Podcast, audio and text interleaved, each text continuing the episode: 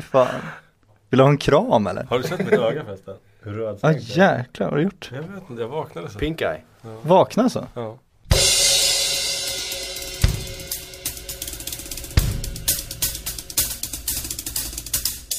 Ja, då hälsar vi alla varmt välkomna in till det, ja jag vet inte ens vilket avsnitt det är. Det är den 21 januari i alla fall och vi ska spela in Sillypodden igen. Mitt namn är Patrik Syk och med mig idag så har jag Vincent och Vincent. Patrik Sjögren och Kristoffer Karlsson. Eh, locked eh, det, det är locked horns som man säger i England eh, i det här vadet. Vem ska klä ut sig till Vincent han på deadline day? Det, det får vi kanske reda på idag redan. tror Jag, jag är väl aningen mer eh, pessimistisk än vad Sjögren är, tyvärr. Jag är försiktig, utan att jinxa det så är jag försiktigt optimistisk måste jag säga. Vi ska prata lite Draxler idag ju. Mm. Eh, och då kommer vi säkert komma in på det här vadet. Eh, om det är någon som har missat det så kommer ni få mer information lite längre fram i podden. Vi ska förstås också prata om de här ryktena kring United. Det har pratats om Kåke, det har pratats om Juan Mata inte minst. Eh, vi har ett kaos i Turin och Milano. Där eh, Guarin och Vucinic ska på något sätt försöka byta plats här under dagen. Vi får se hur det går. Ehm, Kaos är ett svagt ord i det sammanhanget alltså. Det är... Ja, vi ska prata lite franska gangsters. Fransk media har ju svingat vilt här minst sagt under dagen. Ehm, vi tar en titt på Liverpool och eh, Mohamed Salah och eventuellt några fler rykten kring eh, den klubben. Eh, och sen så har italiensk press eh, också svingat när det gäller Paul Pogba och ett jättebud från PSG. Eh, Det låter väl som en start i alla fall. Vi har fått en massor med frågor också så Frågor gillar vi. ja, det ska vi försöka ta hand om. Dessutom, KK är så deppig idag, vi, vi har varit lite oroliga för den och vinna sanningen här. Nej, jag, jag vaknade upp med ett rödsprängt öga och jag har gått och varit orolig för det hela dagen. Men eh, nu är jag på, eh, på, på, uppe i alla cylindrar så det är bara att köra. ja, om, om han låter lite, lite tröttare än vanligt så beror det alltså på ett rödsprängt öga. Jag vet inte. Fullständigt logiskt där. Ja. Eh, hur som helst ska vi börja med Mata. Det har liksom varit dagens största grej. Juan Mata till Manchester United. Eh, vad vet vi egentligen? Ja, vi vet väldigt, det börjar med Telegraph som eh, prydde hela sitt omslag på sportdelen med att eh, United Ja, eller att Chelsea förväntar sig att United ska lägga ett bud som Telegraph förväntar sig i sin tur kommer vara någonstans kring 37 miljoner pund. Och sen har det liksom, då tänkte man, ja men det, sådana grejer kommer ofta liksom, att det, de tar i rätt stort i sina tidningar för att sälja lösnummer. Men sen har det ju bara fortsatt under dagen och nu har ju till och med The Guardian gått ut i en av deras mest spekulativa texter någonsin som jag läste i den tidningen. Där de också liksom föreslår då att att det som händer nu är att Chelsea är förberedda på att United ändå ska lägga ett bud. Och det är lång text i Guardian där de, ja de har, det märks att de inte har så mycket på fötterna men det är ändå två olika journalister som skrivit den, det är The Guardian som publicerar den så att det är någonting på gång, det känns uppenbart. Mm. Eh, märker vi här att eh, även de mer etablerade medierna mer och mer börjar svepas med i det, den här karusellen som är CDC. Vi har ju sett till exempel, eh, vi som följer Liverpool har sett Liverpool Echo eh, dra, dra igång nästan sin egen silly-blogg som eh, inte har speciellt mycket till källkritik. Eh, där man visserligen med ryggen fri, det här är rykten som sprids på internet och så vidare men publicerar i stort sett vad som helst som rör den klubben. Ja, jag tycker mig se den trenden. Det räcker med att kolla på The Times till exempel som, eh, som sitter på tronen i England vad gäller eh, ansedhet och eh, trovärdighet. Och jag tycker eh, det blir fler och fler silliga artiklar även från, från en tidning som Times. Så eh, det ligger, det ligger någonting i det, absolut. Mm. Eh, tillbaks till Juan Mata då. Eh, Han vill ju förstås bort från Chelsea, det är ju ingen snack om saken. Men det finns ju en till parameter där, det är att Chelsea väldigt gärna vill ha Wayne Rooney. Hur spelar det in i förhandlingen mellan klubbarna? Eh, det är ju, magkänslan är ju att eh, just Mata kan säljas som ett slags eh, föraffär till att eh, Rooney skulle lämna i sommar. Eh, att man- Kratta manegen lite grann. Exakt, man, bygg, man bygger broar mellan klubbarna lite grann och eh, en sak som är säker är att eh, Chelsea säljer inte Mata till United i som, eller i nu i januari om man inte får ett löfte från United att eh, Rooney går motsatt håll i eh, sommar. Och i, Chelsea hade inte haft någonting emot eh, den uppgörelsen, det har jag inget tvivel om. Eh, sen är frågan hur, eh, om det är särskilt klokt beslut av eh, United att ingå en, någon slags sådan deal eh, med tanke på att Rooney har varit eh, en av väldigt, väldigt få spelare som har varit bra i United den här säsongen. Mm. Vi såg ju dessutom eh, José Mourinho efter mötet i helgen där Chelsea manövrerade ut Manchester United. Eh, springa ut och, och hälsa glatt på Sir Alex Ferguson och några andra eh, direktörer ur eh, Manchester Uniteds eh, vad ska man kalla det, styrelse? Jag vet inte vad det var styrelsen. Ja, det, var några, det var några högt uppsatta herrarna. herrar i den organisationen som han eh, såg ut att vara väldigt tjenis med. Ja, det börjar ju viskas nu, det här är absolut inte trovärdiga källor, men att Sir Alex Ferguson skulle ha någon slags del i, i transferförhandlingar med United och att han skulle hjälpa dem med sådana saker. Det här är ju extremt lösa rykten, men det känns ju ändå lite, lite kittlande. Så det är kanske därför Mourinho är där uppe och smörar han är, nu. Han är, som, han är som en gam lite grann som så cirkulerar eh, det här kadavret Manchester United just nu. Han, han är där och häckar och han ger ju på så sätt inte speciellt mycket arbetsro till en David Moyes.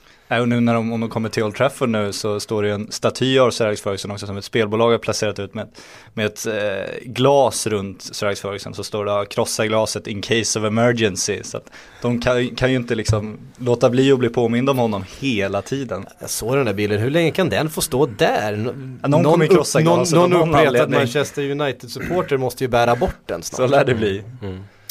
Nej, just eh, ryktet om eh, Ferguson som någon slags eh, värvningsansvarig i United eh, ser jag inte alls som någonting negativt för United. Eh, faktum är att eh, David Gill är eh, oerhört saknad i eh, vad gäller värvningar till United och Ed Woodward har ju bevisat att han, eh, eller bevisade i somras att han eh, inte besitter särskilt mycket handlingskraft. Och om Ferguson kan hjälpa till på det sättet så, så tycker jag inte att det är någonting som Moyes eh, bör vara orolig över, snarare glad. Mm. Bara han stannar där då så att han inte liksom ta, börjar ta lite egna initiativ och börjar titta på lite spelare han tycker skulle passa och kanske liksom Lite, for, lite formationer, vem som har bäst form. Exakt.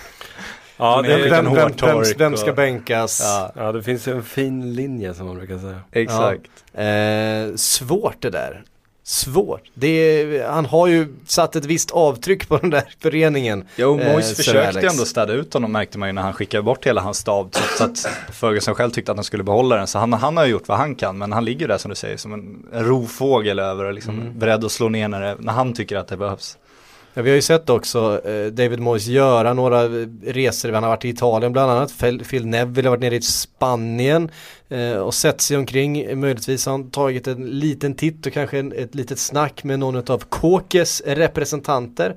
Det pratas i alla fall eh, i spansk media om att det ska finnas en klausul som gäller och den ska då ligga på någonstans runt eh, 50 miljoner euro då pratar vi euro så får vi räkna om det, vilka valu valutor vi vill sen.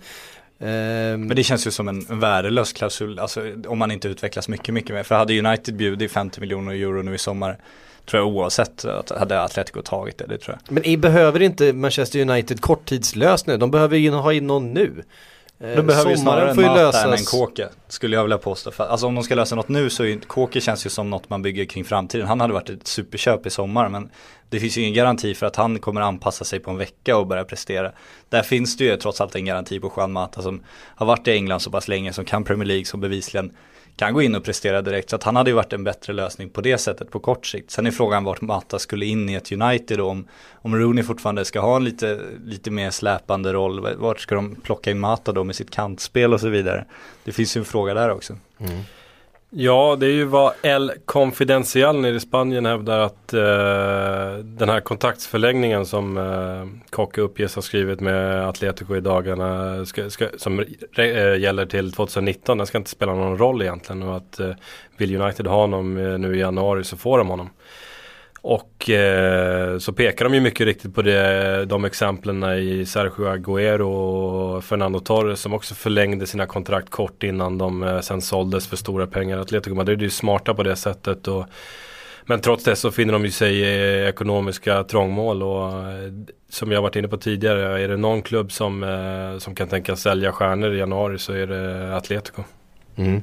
Eh, ett annat utav Uniteds lite mer eh, långtgående transfer targets har ju varit Evertons Leighton Baines. Eh, men han ser ut att förlänga med Everton och då lär vi inte prata om några utköpsklausuler utan snarare ett, ett kontrakt för att eh, faktiskt spela ut sin karriär i Everton-tröjan. Det är snyggt. Det är snyggt och det är Lika snyggt som hans polisonger. Hans polisonger är ju gudomliga. Ja, fantastiska. Det är så brittiskt som man bara blir tårögd. Ja, det är världsklass. Eh, sen så, Vi var inne, vi, jag vill bara dra en parallell där till när jag kommer vi pratade om eh, Wilshire. När han gav eh, ett långfinger eh, till motståndare. Det hade Baines aldrig gjort. Han hade gett the two finger salute alla dagar i Vet veckan. hur man för sig i England. Det tycker jag, det, det, det, det är liksom den typen, den, den karaktären man Och vi kan nog sätta pengar på att Leighton Baines inte är den killen som står på dansgolvet. Leighton Baines står i baren. Det kan vi nog också vara säkra på. Det, det är stort av honom också med tanke på att eh, i ett Manchester United så hade han eh, bara konkurrerat med Patrice Evra i princip. Och eh, det är ju en, Det hade eh, han ju klarat av. det är en startplats han hade tagit direkt och att eh, förlänga med Everton då blir ju extra fint på något sätt. Sen så eh, eh, kan han ju kolla på sin gamla lagkamrat Fellaini som inte haft några större framgångar i Manchester United i och för sig. Sen är det ju lätt att stanna i Everton just nu också ska man säga. Det går väldigt bra. Det är liksom positiva vindar och det ser bra ut i ligan och så vidare. Skulle de få en dipp och de får ett superbud på Leighton Baines så kan ju faktiskt det skulle kunna förändras ganska snabbt det där. Mm. Och jag, det har eh, i, vad gäller Everton och eh, Roberto Martinez så, eh, så har han lite grann av en smekmånad nu i och med att han tog över ett eh, defensivt grundbygge som David Moyes lämnade till honom. Och han får addera sin, eh, sitt offensiva tänk till det och det, det klickar överallt på banan. Eh, det, det är någonting som kan eh, falla bort lite grann över tid och ja, tittar vi en eller två säsonger fram i tiden så kanske inte Everton är lika starka och då är det öppet för köp med andra ord. Men vart är det defensiva grundbygget i United då kan man fråga sig. Det som var så framgångsrikt i Everton, Uniteds stora problem just nu är ju defensiven. Den är ju katastrofal stundtals. Och där är Paul Scholes oerhört saknat. Det är, eh, kombinerat med skador på Vidic och Ferdinand så, så har det blivit katastrof helt enkelt. Mm. Johnny Evans har väl ändå, har väl ändå gjort en okej säsong ändå med Tillsammans, tillsammans med Carrick och Rooney så är han de, en, de enda som får eh, godkänt under eh, säsongen som varit. Men det är ju inte enskilda spelare känns som. Det är ju liksom om man kollar på senaste matchen så är det ju, det alltså mot Chelsea, det är ju liksom generalfel hela försvaret. Det är ju inte en kille som går bort sig. Det är ju det är hela backlinjen som är helt ute och snurrar i eget straffområde. Hur mycket har, hur mycket har Moyes att göra då? Han har, han har liksom ett helt lag att bygga. Det det vi måste utgå ifrån att vi kan vänta oss en, eh, ett helt nytt Manchester United över de här två, närmsta två åren? Ja men gå till sommaren bara. Det är liksom Ferdinand och Vidic ska ersättas, Patrice Evra försvinner. Han ska alltså bygga om hela backlinjen. Det han har är, han har en bra målvakt, det har han. Han har, anfallet har han frågan är hur länge van Persie håller, det vet vi inte. Rooney vill bort, det kan bli så att han måste göra om hela anfallet. Mittfältet, inmittfältet vet vi, det fungerar ju inte. Yttrarna, inte heller övertygat. Så att, eh, han har en hel del att göra kan man säga. Det är väl 10 av 11 spelare han ska skicka runt. Och i januari så är jag rädd att han inte får mycket mer gjort än en, en mittfältvärvning. Det är där vi kommer göra Är, det, är det Juan Mata han ska gå in tungt på? Ska du göra ett vad nu? Nej, vi ska, vi ska inte göra några mer vad. eh, Även om magkänslan säger mig just nu att Kocke, Ko- Kocke ligger rätt bra till. eh, tror på just Kocke? Ja, Oh, eh, jäklar vad jag hade satt emot där. Ja. Där, hade, där hade jag lätt gått in på ett nytt Vincent Tan-val kan jag säga. ja, Men vadå Kåke, Atletico är vidare i Champions League, de har jättechans att spela in en, en hel del pengar där. De har en bra lottning, de kan ju gå ganska långt där. Ska de då sälja Kåke nu för den relativt lilla pengen om man sett till vad man kan få in på CL och sen sälja Kåke i sommar för minst lika mycket? ja, vi tittar inte bara på CE, vi tittar ju faktiskt på en eventuell ligatitel. Så eh, ja, jag är med dig på den punkten, absolut. Men eh, om eh, Atletico Madrid får tok mycket pengar så kommer de ligga på sin spelare om att det är en bra möjlighet för honom att gå till United. Och då är, kanske. Jag tror de kan lösa det ändå, jag tror de kan säga till United då att absolut Kåke är men, men till sommar. Om vi, kan, Inget vad alltså. Inget val. Nej. Jag har slutat med sånt. vi, kommer till det, vi kommer till det längre fram.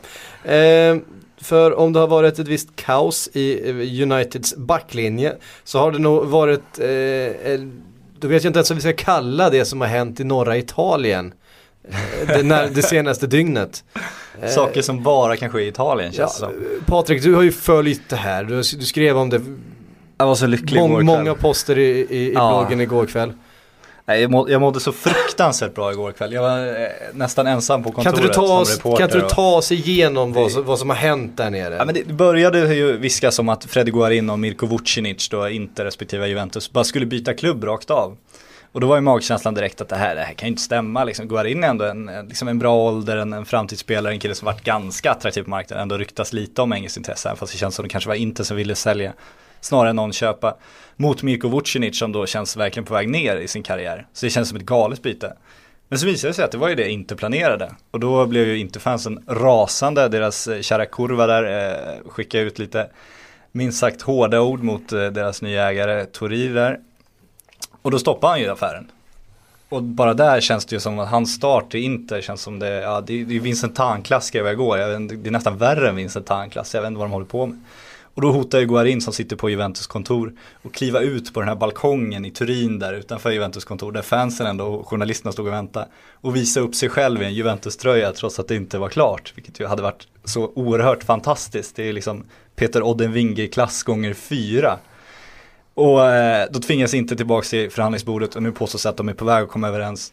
Där är inte då även får omkring, ja det pratas väl om 15 miljoner svenska kronor extra emellan nu, vilket också känns som en fruktansvärt dålig affär när du samtidigt påstår att de nu ska köpa loss Hernanes från Lazio som ersättare, vilket skulle innebära att de då säljer Guarin, får in Vucinic och Hernanes och tvingas lägga över 100 miljoner emellan, vilket känns som en, en fullständigt usel affär så att det är skrämmande vad de håller på med. Mm. Blir det av då? Det blir av. Ja. Hernanes vet vi inte än, men bytet Guarin-Vucinic kommer bli av. För Vucinic var väl redan på, på läkarundersökning igår också? Han var läkarundersökning, hans agent lämnade, när vi sitter nu och spelar in det här så har hans agent precis lämnat eh, Inters huvudkontor och de ska vara överens. Och går in är ju också, vill absolut till Juventus. Och Juventus vill ha bytet och Inter, det är så långt gånget nu, de kan inte dra sig ur längre.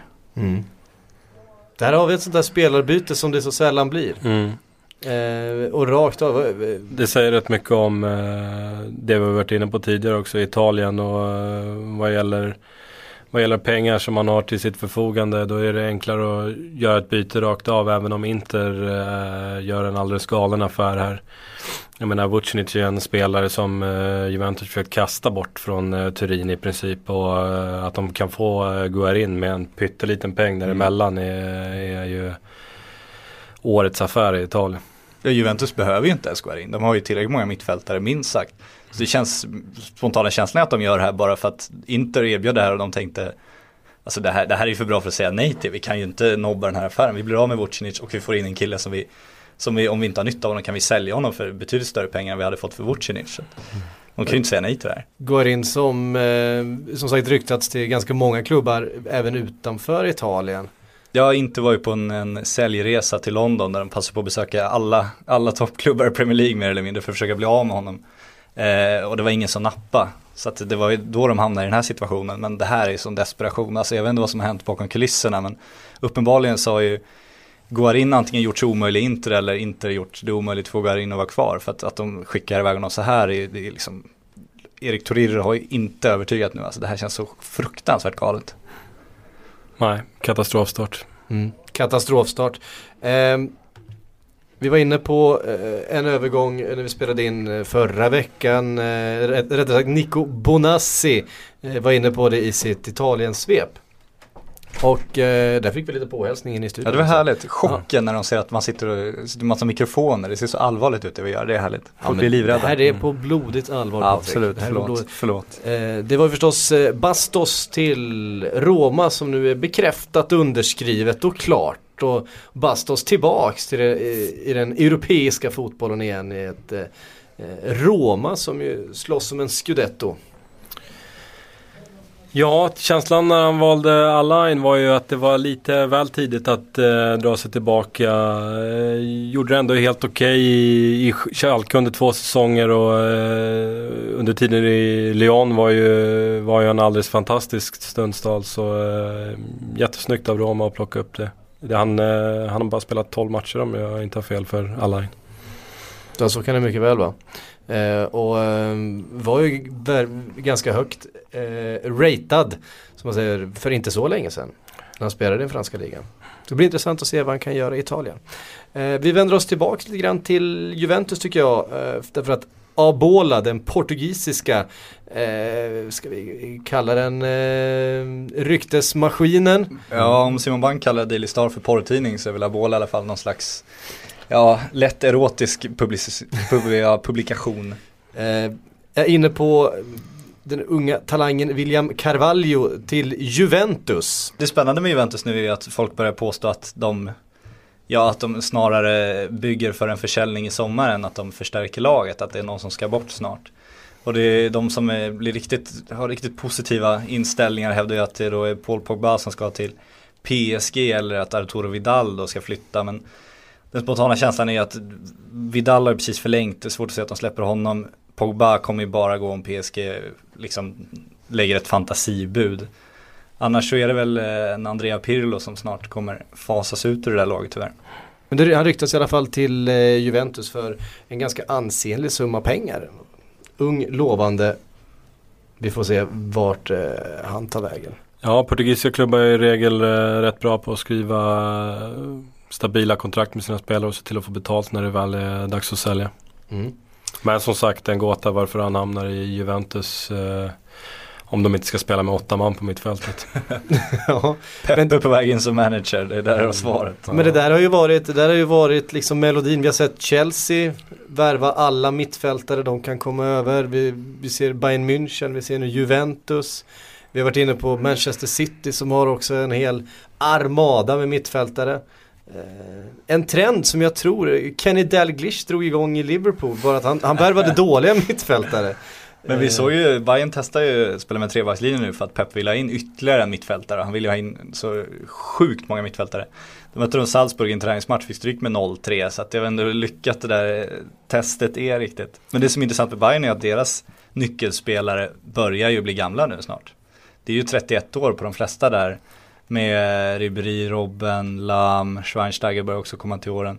Så de, eh, känslan är ju att de håller på att plocka tyska talanger nu för, för en revolution så att säga. Att de ska börja göra om sitt lag snart. Och det är väl därför Pep kommit in också. För att bygga? För att bygga, inte bara, för, man behöver inte Pep Guardiola för att förädla det. Det är liksom Europas bästa lag. Det är ju lite slöseri med. Utan man tar ju honom för att de ska göra någonting nytt. Mm. Eh, vi lämnar eh, mittfältarna lite grann därför att i Frankrike, eller vi lämnar inte alls mittfältarna för, för i Frankrike pratas det om just en av de här mittfältarna från Chelsea. Eh, och det är France Football som har Hazard i PSG-tröja på sitt omslag. Eh, idag. Och eh, L'Equipe bekräftar idag att United är ute efter Cavani. Eh, och så vidare. Vad, vad, är det med fransk media? Det här är ju fullständigt eh, häpnadsväckande uppgifter som de skulle sitta på. Hazard mm. som inte all, för alls länge sedan sa att jag är jättenöjd i Chelsea, jag spelar hela tiden. Alltså han, tjänar mycket, han, han tjänar mycket pengar och... och ja, men liksom, två dagar sedan, finns inte ja. en chans att du flyttar nu, finns inte en chans att du flyttar i sommar. Och Mourinho har också stängt dörren till en flytt. Ja, men, det är liksom en Mourinho-favorit. Ja. Men som fransk fotboll skriver så ska budet vara 700 miljoner kronor stort. Och då, om vi snackar om summorna, om det stämmer givetvis, så är det ju ett bud som eh, nog kommer kittla lite granna hos eh, Chelsea. Ja, men Chelsea skulle nog kunna sälja, det tror jag också. Men jag tror aldrig att Eden Hazard skulle gå till PSG nu. Det tror jag inte att det finns en möjlighet. Oavsett hur mycket pengar de eh, erbjuder honom det här är ju, alltså, det är ju den här klassiska sillesyltburken och alla ska ner och gräva lite för att det finns, finns ju pengar att hämta för tidningarna också. Och det är klart att eh, PSG skulle ju absolut köpa Hazard om det fanns en möjlighet men det känns ju fullständigt orealistiskt. Däremot är det som Cavani att Manchester United, alltså det PSG betalade för honom, då ska de ha tillbaka de pengarna plus ännu mer. Och ska United betala det för en anfallare, det, det är ju bara löjligt. Mm. Men varför håller de franska tidningarna på så här? Jag menar, vi pratar om L'Equipe här. Det är en av de mest ansedda eh, tidningarna i Europa. Eh, ligger bakom Tour de France till exempel. och fransk fotboll ligger bakom eh, Ballon d'Or. Precis. Eh, nej men eh, alltså vad gäller Cavani. Det här är ju inte, det är inte, det är inte Daily Star eller The Sun vi pratar om här. Fast som, vadå, Ballon d'Or, såld till Fifa, Tour de France, ett gäng fuskare, svinkul att kolla på men det är doping rakt igenom. Det är ju, hallå? Eh, nu ställer jag mig eh, så här, om vi ska disk dissekera just Cavani Du släpper Tour de France här? Ja, nu alltså. cykel kan vi hålla på någon annanstans. eh, nej men om, eh, om vi ska dissekera Cavani-budet lite grann så kan vi kolla på hur väl Zlatan Ibrahimovic trivdes på en kant i Barcelona. Det, det funkade inte alls för honom. Och eh, medan en Zlatan var eh, mer liksom han uttryckte mer sitt missnöje över hur det blev och att han, eh, att han inte ska köra som en Fiat när han köps som en Ferrari till exempel. Så är, har ju Cavani varit helt tyst om det. Han har, han har inte klagat alls över att han har hamnat på den där kanten som han faktiskt gjort. Men Cavani, superstjärna i Napoli, allting kretsade kring honom. Och nu spelar han faktiskt en eh, ganska rejäl andra fiol till Zlatan i, eh, i PSG och att för honom gå till en så pass stor klubb som eh, United ändå är och vara den överlägset största stjärnan i den klubben är ju någonting som, om vi får spekulera lite grann i, tror jag skulle locka för honom. Där skulle han ju definitivt vara centerforward och definitivt vara den stora stjärnan som han var i Napoli. Vänta nu, van Persie då? Ja, vad, vad händer med van Persie? Är han kvar eh, efter nästa sommar? Inte, om- inte om Cavani kommer, men nu är vi ju, nu är vi ju rätt långt i, i spekulationerna. ja men det tycker jag är helt rätt. Eh, Men Cavani, det fanns ju intresse för Cavani för liksom hur stora klubbar som helst när han var i Napoli. Men problemet var ju att Napoli sa ju tvärnej. Och då löste det sig, han hade ju ingen annat val än att gå till PSG för de är de enda som betalar den här klausulen. Och det känns som, absolut, United skulle säkert kunna värva Cavani. De måste ju ersätta van Persie på sikt inom bara ett par år förmodligen. Men återigen, det känns som det är samma sits igen. Ska, de, ska PSG acceptera ett bud, de kommer ju minst kräva pengarna tillbaks. De är ju inte helt knäppa liksom. Då måste Cavani göra sig fullständigt omöjlig. Och det är känslan att han inte kommer göra. Och då ska United då lägga över en halv miljard. Det, jag har svårt att se det. Alltså. det för de, de måste ju investera i betydligt fler spelare än bara en anfallare nu, som vi har varit inne på. Mm. Om man säger så här, varken PSG eller Chelsea behöver ju pengar. De har pengar så, om, vi, om vi kollar... inte minst PSG som ju har, är den klubben som har spenderat överlägset mest av alla de här. Mycket mer än vad City har gjort, mycket mer än vad Chelsea har gjort, mycket mer än vad Monaco har hunnit göra än så länge. Mm. PSG är ju på en, helt, på en helt egen planet när det kommer till just att, att sprida pengar omkring sig. Mm. Nu kom det också en uppgift om hur mycket Zlatan faktiskt kostar per år i, i lön och omkostnader för PSG och han ligger ju på en halv miljard om året i kostnader för PSG som de tar. Och sett till det så är han ju den i särklass högst betalda spelaren i världen. Eh, och de här listorna som brukar komma ut det är ju alltså Zlatans nettolön. Som det ligger på, eh, och då vet vi hur, hur, eh, som ligger på en drygt 100 miljoner, 120 miljoner någonting. Och då vet vi hur skattesatsen i Frankrike är och den står ju klubben för alltihop kommer bli högre också. Men eh, alltså PSG har ju en gynnsam position mot klubbar som Monaco, Chelsea, eh, Manchester United i och med att eh, de har skrivit det här monsteravtalet med Qatar eh, Tourism Authority och har fått det att gälla som en, eh, som en sponsordeal rakt av. Eh, vad det betyder är att de kan balansera upp alla sinnessjuka värvningar de gör eh, genom att peka på att herregud vi får eh, massor med intäkter här från våra sponsorer. Sen är, finns det ju en baksida av det och det är ju att de katariska, kat, ägarna som redan är katariska eh, Frågan är här Betalar Qatar, Qatar Tourism Authority för mycket eh, eller mer än vad sponsorskapet är värt? Alltså det är ett, ett sätt att komma runt eh, Financial Fair Play. Eh, och hittills lyckas de med det. De slås inte på fingrarna av Uefa. Chelsea däremot eh, ligger mer pyrt till om vi kollar till Financial Fair Play. Och det är en klubb som eh, hade behövt eh, 700 miljoner kronor till exempel. Eh, speciellt efter att man plockar in Nemanja Ma- Matic eh, eller tillbaka. Men det är ju spännande hur de ska värdera det. För om man tittar på Zlatan, okej han kostar en halv miljard om året men det är ju fan värt det för PSG. För om man tittar på deras utveckling de har gjort som klubb de har liksom, jag tror Johanna Frändén var inne på det i någon krönika häromdagen, att de har liksom, bara kollat på hur många språk de har sin hemsida på nu. De har liksom över en miljon följare bara i Frankrike på sitt Twitterkonto. De, liksom, de har expanderat och blivit en, en världsklubb och alla pratar ju om Qatar i samband med PSG. De är ju Qatar. De, liksom, de visar upp de här falkbilderna på Zlatan, de är där på besök, det är shejkerna. De får ju hur mycket som helst för de här pengarna. Och det här ska vi komma ihåg, det här är löjligt små pengar för dem. Det är enorma pengar i fotbollen, det är enorma pengar för PSG, men för Qatar är det liksom, det här är ju en superinvestering för dem. Det här är inget de gör för att det är kul, det här är en kanoninvestering. Jag tycker de sköter det extremt bra ekonomiskt. Men då är det intressanta då, hur ska liksom Uefa värdera det? Absolut det är värt för Qatar, men sett till andra sponsoravtalen om fotbollen är det ju är det ett skämt liksom. Mm. Så, men ska det ändå vara okej okay då? Vart går gränsen för det och vem ska värdera hur mycket pengar det kan vara värt att sponsra en fotbollsklubb? Det är ju Financial Fair Play. Innan de löser de gåtorna så kommer det aldrig fungera.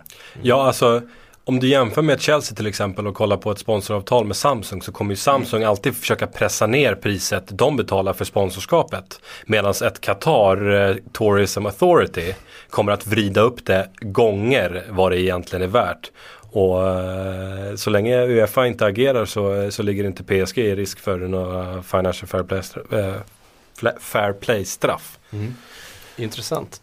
Eh, och det ryktas ju förstås jättemycket när någon sitter på degen så är det klart att ryktena kommer. Italiensk press skriver idag om ett bud som ska vara eh, på gång eh, på Juventus Paul Pogba från just PSG och det ska ligga på mellan 50 och 60 miljoner euro. Mm. Uh, vad hamnar vi på då? Ja, någonstans runt en halv miljard svenska ja. kronor. Och det här känns ju, alltså det är ju fullständigt logisk transfer. Paul Pogba är en av världens största talanger, han är fransman, han är i Serie A. Det är liksom alla vägar bär till Paris därifrån känns det som. Så det, det känns solklart att de vill ha honom, det känns eh, solklart att Juventus skulle kunna tänka sig att sälja honom för sådana pengar. Sen är frågan då hur Paul Pogba värderar eh, PSG. Det här är en lite linnig pöjk med en agent som vi inte riktigt vet hur han tänker heller. Det är klart Raiola gärna säljer spelare till PSG men just den sportsliga utmaningen i Ligue Ö är ju inte så stor ännu. Ska Paul Pogba gå dit redan nu i sin karriär? Är det rätt steg? Samtidigt PSG börjar utmana Champions League. Det är svårt att veta hur, hur den klubben värderas just nu. Sen kommer ju, vad säger Zlatan? Ja just det. Ut, utveckla KK. Ja just det. Eh, France Football har en... Eh, en Igen. Ja, eh, de, de, var på, de var på hugget idag. De har en alldeles fantastisk story idag som jag eh, gick igång på alla cylindrar på. Och och den handlar om att Thiago Silva och eh, Zlatan Ibrahimovic har eh, president Nasser Al-Khelaifis öra när det gäller värvningar. Att de är en slags panel eh, som, som ska godkänna värvningar till klubben. Eh, och det ryktas nu stoppa eh, Kabajs drömflytt till, eh, till PSG. För då ska Zlatan och eh, Silva ha berättat för Nasser att eh, nej du Nasser, vi behöver inte Kabaj här. Och det ska de ha gjort för att skydda sina vänner, eh, som eh, frans, frans fotboll kallar dem. Marco Verratti, Thiago Motta och... Eh, Pastore kanske? Nej, central mittfältare. Eh, Marco Verratti. Pratar du Matuidi? Matuidi såklart. Ja. Så nej, den var, den var alldeles fantastisk den storyn, den gillar jag. Eh, och då, då är det klart att eh, en Johan Kabaj är ju inte lika sexig i Silva och eh, Zlatans öron. Om vi nu köper de här uppgifterna rakt av. eh, vilket, jag, vilket jag tycker vi ska göra. Men, men, men vad gäller Paul Pogba så, så är jag ganska övertygad om att han ansluter till eh, PSG i sommar. Eh, du har liksom en Jorge Mendes som bygger eh, Monaco, du har en Mino Raiola som, eh, som bygger, bygger PSG. Ja. Eh, så den, eh, och, och de vill ha fransmän, det vet vi. Ja, eh, det är jätteprestigefullt eh, för en klubb som i Frankrike får skit för att de eh, bygger för mycket utländskt. Så eh, om de har liksom Frankrikes allra största talang inom räckhåll så är det klart att då, då tänker de ta honom. Samma sak med Blaise Matuidi som de inte tänker släppa för fem öre. Han har ju ryktats bort lite grann i och med att hans kontrakt går ut i sommar. Men eh, det finns inte på världskartan att PSG skulle släppa Matuidi som också är ett stort framtidsnamn inom eh, fransk fotboll. Alltså mm. PSG kommer ju att växa ut till eh, världens bästa lag inom, eh, inom två, tre år. Det är, Oj, väl hela, det, är väl hela, det är väl hela tanken. Mm. Men det finns ju en politisk Och seger jag också. tvivlar inte på att de eh, lyckas med det heller. Det finns ju politisk seger i att ha fransmännen också just med tanke på den här skattepolitiken vi varit inne på att det sticker i ögonen på fransmännen att det kommer att det kommer Zlatan Ibrahimovic och det kommer Falcaos och sådana och liksom och tar pengarna och drar utan att betala ordentlig skatt. Bygger man däremot ett världslag då med liksom riktigt stora franska spelare och får franska folket med sig på det då kommer det bli ett ytterligare politiskt tryck som kan innebära att det här ändå liksom att skattepolitiken kommer likna den som finns i Premier League och Serie A och La Liga också så att det är nog viktigt politiskt också att få in fransmännen. Ja, och eh, kollar vi på det centrala mittfältet så har du en eh, Thiago Motta som börjar bli lite äldre och eh, då eh, kliver Pogba in rätt bra där och tar den tredje platsen av två på mittfältet. Och, Frågan är om det inte är bra för dem att ha Johan Kabay ändå, alltså strunta i vad... Jag tror, jag tror att, att Zlatan och Thiago inte kollar så mycket på så här, eh, mittenlagen i Premier League eh, varje vecka. De kanske helt enkelt inte har så bra koll på det Sen kan det vara så, jag tror ju på de här uppgifterna att han lyssnar på Zlatan och Thiago Silva. Det tror jag på för att det påstås ju redan när de tog in Blanc som tränare att de var liksom med och gav sitt godkännande innan det blev av. Däremot så är jag lite svårt att tro att de skulle stoppat Kabay-affären. Det känns som en liten konstruktion där kanske. Så det kan man väl inte riktigt tro på, men att Zlatan har inflytande i klubben det råder ju ingen som helst tvivel om. Han är ju personligt, liksom, det var ju som han pratade efter sommaren, jag måste träffa presidenten för att veta om framtiden och så vidare. Han, han sitter ju i möten personligen med klubbens president. Det är extremt ovanligt. Sen var det inte så, så länge sedan som Blanc satt i eh, fransk eh, tv och fick frågan om just Kabay och, och hyllade honom och sa att ja det är en spelare jag absolut skulle kunna tänka mig och ehm, den prislappen som det har pratats om någonstans 23-25 miljoner pund ja, den, hade, den hade ju Newcastle gått igång på. Ja, jag, jag är helt övertygad om att det här kommer bli av. Blanc har varit så tydlig med att han vill förstärka mittfältet. Det det påstås är att klubben inte riktigt är med på hans planer där, men att de skulle gå och säga nej till, till honom. Alltså, det, han ber ju inte om med PSG-mått så mycket. Det gör han ju faktiskt inte, så jag, jag är säker på att Kabay kommer gå till PSG. Och Joe Kinnear kommer få en eh, skattkista att ge sig ut i fotbollsvärlden eh, till sommaren med. Och han slipper sälja inom England, det tror jag är det viktigaste för Newcastle. Ja, det kan ju sluta hur som helst. Ja, Eh, Fotbollsvärlden går väl inte, han åker väl till Frankrike han också. Det är väl lite skattkistan kommer färdas, det är väl inget tvivel om det. Det är väl så de brukar jobba där uppe. Nej men eh, någonting eh, känns som att det kommer bli klart med, för PSG i januari. Med tanke på att de, eh, de slåss på fyra fronter med en eh, trupp som redan är ganska tunn. Och Kabay får spela Champions League. Drömköp, helt Precis. perfekt. Han är inte cup-tied som det heter. Nej. Ehm, ett av fönstrets mest utdragna historier så här långt är ju Basels Mohamed Salah som jagas av Liverpool. Och han har jagats av Liverpool nu rätt länge och de verkar ju inte komma någon närmare varandra. Och nu rapporterar alla från Times till BBC att Rodgers fått grönt ljus av ägarna att eh, lägga ett formellt bud som det heter då på en eh, sådär 8-9 miljoner pund. Fast Basel vill ju fortfarande ha 12.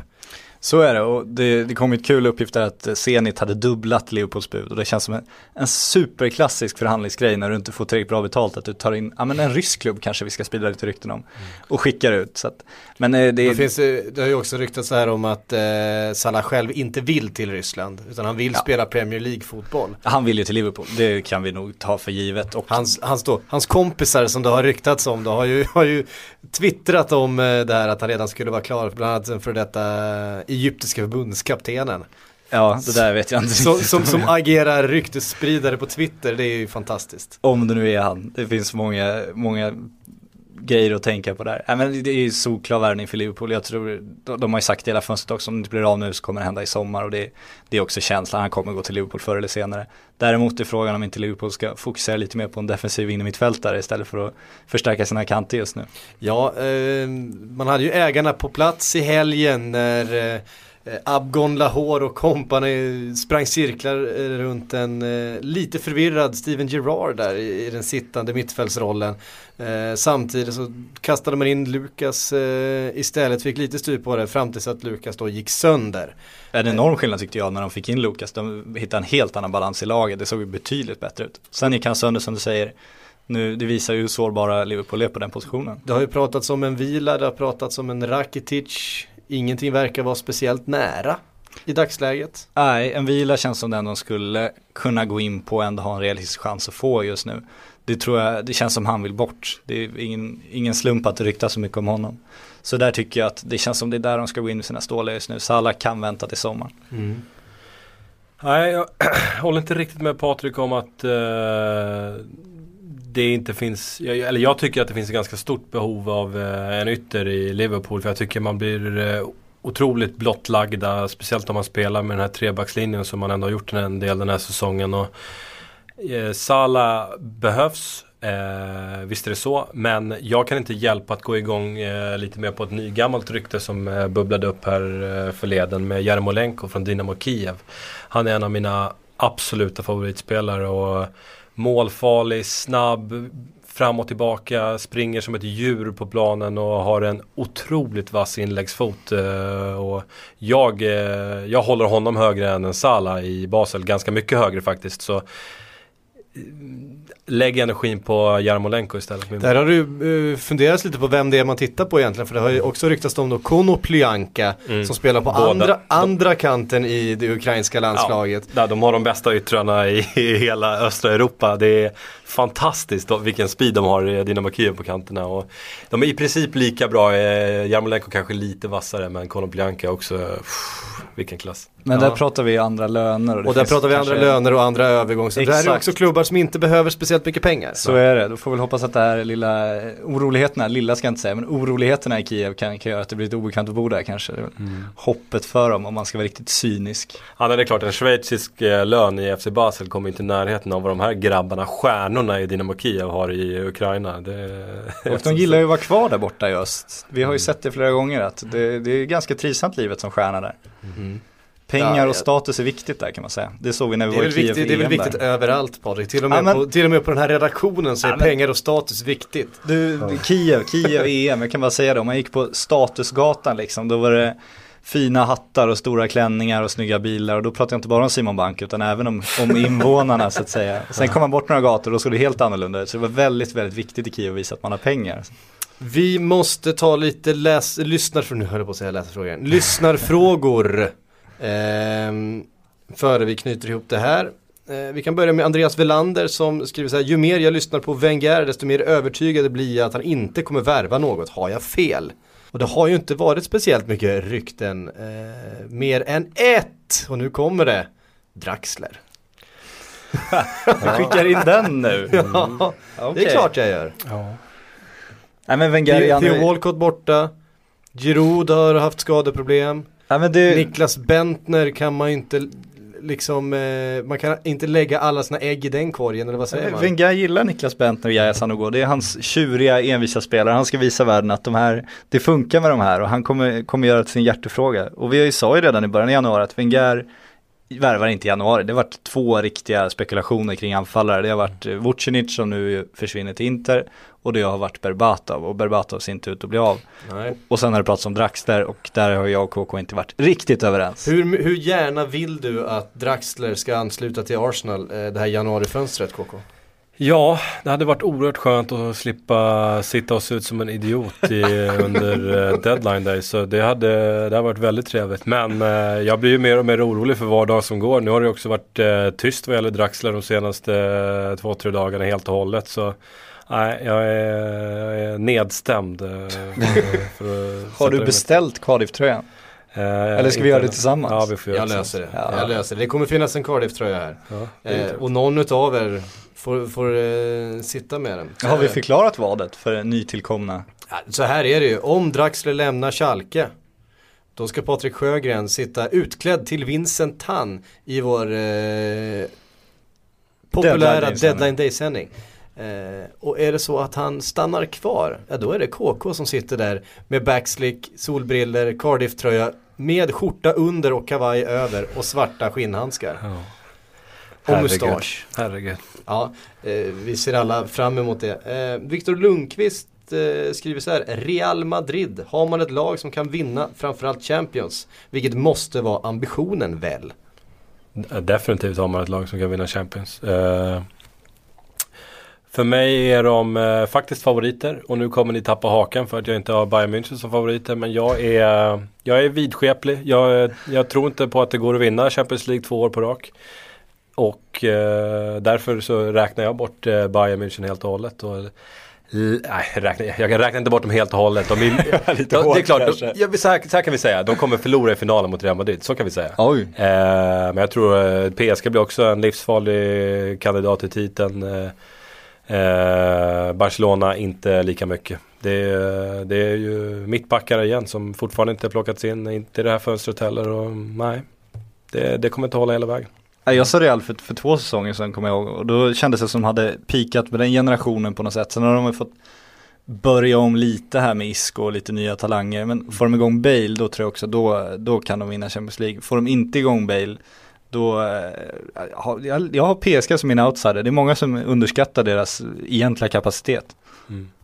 Ja, alltså jag, jag, tycker, jag tycker man har fått igång Bale eh, väldigt bra, betydligt bättre än vad Barcelona fått igång Neymar. Och kollar man på Real Madrid så, eh, vad gäller, eller truppmässigt så är det klart man kan konstatera Wow, här är en anfallare kort. Eh, Alvaro Morata mm. spelar lite väl stor eh, fiol i den här klubben. Men när man har Gareth Bale och Cristiano Ronaldo då, då behövs det nästan inga anfallare höll jag på att säga. Det, Men bara i vägen. Ja, nej, det, det, kan bära hela vägen och så har man två stycken målvakter i världsklass i Diego Lopez och Ike Casillas och det mm, ska, ska man vinna Champions League då ska man ha en eh, sylvass målvakt. Och så har man Luka Modric som kanske är hela ligans bästa mittfältare plötsligt. Mm. Helt lysande. Vi kastar in en sista fråga och det är Sebastian Persson, eller Pearson. Oj, eh, snyggt. Piarsson. Piarsson. Vi, vi, vi, kan, vi kan bara gissa hur det ska uttalas eftersom det, det kommer på Twitter här. Jag tror det är Persson. Han, han tar upp, eh, det är säkert Persson. eh, men det är ett N och det är EA. Ett N och EA. Ett, ett S och EA menar jag. Eh, han kan vara dyslektiker, då mobbar han. Han heter Pearson. Pearson. Pearson. Pearson. Yeah, yeah I think he's American. Sebast Sebastian Pearson. Yeah. Um, han, vill, han tar upp flera namn här, eh, bland annat Albin Ekdal, Carlton Cole och, och, Crouch. Men han börjar med gärna lite om Toivonens val av klubb. Och um, det fanns ju en annan svensk kvällstidning som, som kallade det klubbet för ett nerköp i, i sin tidning idag. Och där håller jag inte alls med. Nej. Eh, för eh, Toivonen är det här ett kanonsteg. Han, han, går till Rennes, han går till en bättre liga. Framförallt, visst en klubb med lite lägre anseende internt än vad PSV då har i Holland. Men PSV var ju inte någon jättebra situation eh, för värmlänningen. Eh, PSV har ju varit i kris kan man väl säga, det är kanske är starkt Men sen, sen för två år sedan tillbaks när deras stjärnor började försvinna. Jag träffade Ola då i Eindhoven. Och då satt vi ner med Andreas Isaksson samtidigt. Isaksson visste då att han, han skulle bort inför EM där. Eh, och var rätt nöjd med det. Träffade Ola också, han ville bort. Han fick inte försvinna. Han visste redan då att det här PSV håller på att nedmonteras. Och nu är de ett mittenlag i Holland och i en liga som har falnat fullständigt som liksom inte har de här scouterna på sig längre.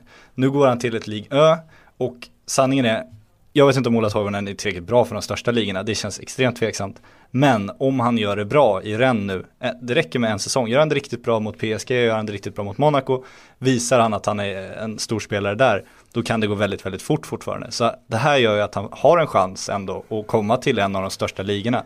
Det hade han aldrig haft om han stannat PSV. Och han finns ju fortfarande med där i blädderblocket hos många klubbar som ju var intresserade då för ett par, tre år sedan när han gjorde mycket mål. Han gjorde eh, mycket mål i Europaspelet, eh, bland annat för PSV. Ja det är inte utan att man ömmar lite grann ändå för PS Eindhoven som ett tag där trodde Jag trodde du skulle säga ömma lite för Ola Toivonen men du är ensam nej, nej det gör jag inte. Jag, jag ömmar lite grann för PSV Eindhoven som köper Ola Toivonen eh, efter ett eh, U21-EM som var lysande. Och eh, ja, han var ju på väg mot riktigt stora destinationer. Började otroligt bra och och då är, som holländska klubbar gör ibland, de plockar de här spelarna från de mindre ligan och sen säljer vidare för stora pengar. Det var, det var ju den, det var ju på den vägen vi vandrade så att säga. Och så slutar det med att de får sälja Toivonen med ett halvår kvar på kontraktet för 22 miljoner till eh, vad som i nuläget är en bottenklubb i franska ligan. Sen ska vi säga om Rennes också, är ett spännande projekt. Ny tränare, bygger om klubben och eh, nästa säsong så kommer de definitivt vara betydligt bättre än en eh, 15 plats i ligan. Så eh, jag är redan taggad på nästa säsong. Och en till spännande sak med Rennes, jag såg en lista, jag tror att de är om det är fjärde eller femte bäst i Europa på att producera egna spelare. Alltså de är de som har skickat ut flest spelar sitt A-lag från sin egen ungdomsakademi och ändå håller sig kvar i ligan och gör det bra. Så det finns ju, ett, det är en spännande klubb, det är inget konstigt bygge här och de har någonting på gång. Och Mola Toivonen då kan komma in som någon slags talisman, nej men blir någon slags nyckelspelare, en kulturbärare där. Då är det ett kanonval. Mm. Det får faktiskt bli den avrundande tanken eh, för denna Sillypodd. Eh, är ni nöjda? Det är ju mm. så mycket mer att prata om. Det, man kan inte prata om allting eh, varje avsnitt. Har ni tänkt på det? Har tänkt på det? Så man kommer på massa grejer. Så fort man har stängt av den här inspelningen så kommer man på Då går du ut och sätter oss och fikar och pratar ännu mer. Ja. Eller nej, det gör vi inte alls. KK spelar Fifa, jag jobbar psykohem. Det är sanningen. Ja, det är inte så det brukar se ut. det är precis så det är. Jag vinkar hej då till Sjögren när han går. Från Fifa, Fifa-soffa. ja. Bäst, hej då Sjögren. Bäst, bäst, bäst på redaktionen på Fifa, var det det? Eh, det är jag som är det. Eh, det går att utmana mig, men eh, då får ni skriva till mig på Twitter. Ja, jag ska veta, till och med jag har slagit KK så att det, är, det är inte alls omöjligt. jag vet ingenting om Fifa, jag sitter, jag sitter och arbetar, men okej. Okay. ja, men det är en bra uppdelning där. Tack för att ni har lyssnat, skriv till oss på Twitter, ja ni hittar oss om ni söker. Tills vi hörs nästa gång, ha det fint.